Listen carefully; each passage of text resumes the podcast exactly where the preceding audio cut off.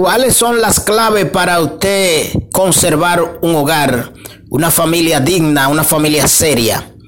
Usted mismo tiene su propio consejo dentro de usted mismo.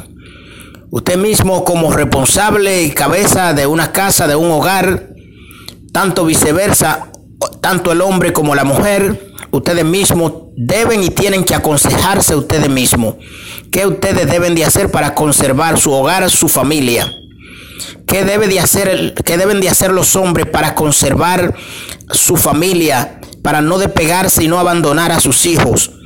Este es un tiempo donde toda la familia debemos y tenemos que estar unidos.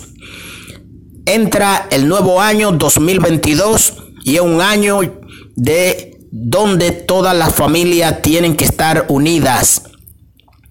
Reconcíliense aquellas personas que le han dado la espalda a su hogar, a su familia. Estos no son momentos de pensar cosas negativas ni de creerse que usted todavía es un niño o una niña. Ya ustedes son personas adultas.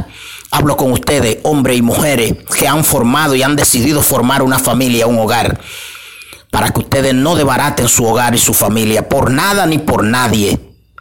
Solamente con la misericordia de Dios y los buenos pensamientos de ustedes mismos con sus consejos. Nadie tiene que aconsejarlo a ustedes para ustedes mantener un hogar derechito, derechito, derechito, como lo es este programa.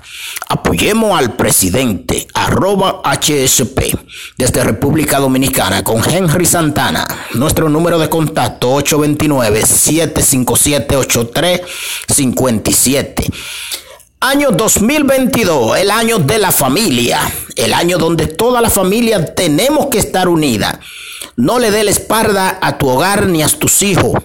No le dé la espalda a tu compañera.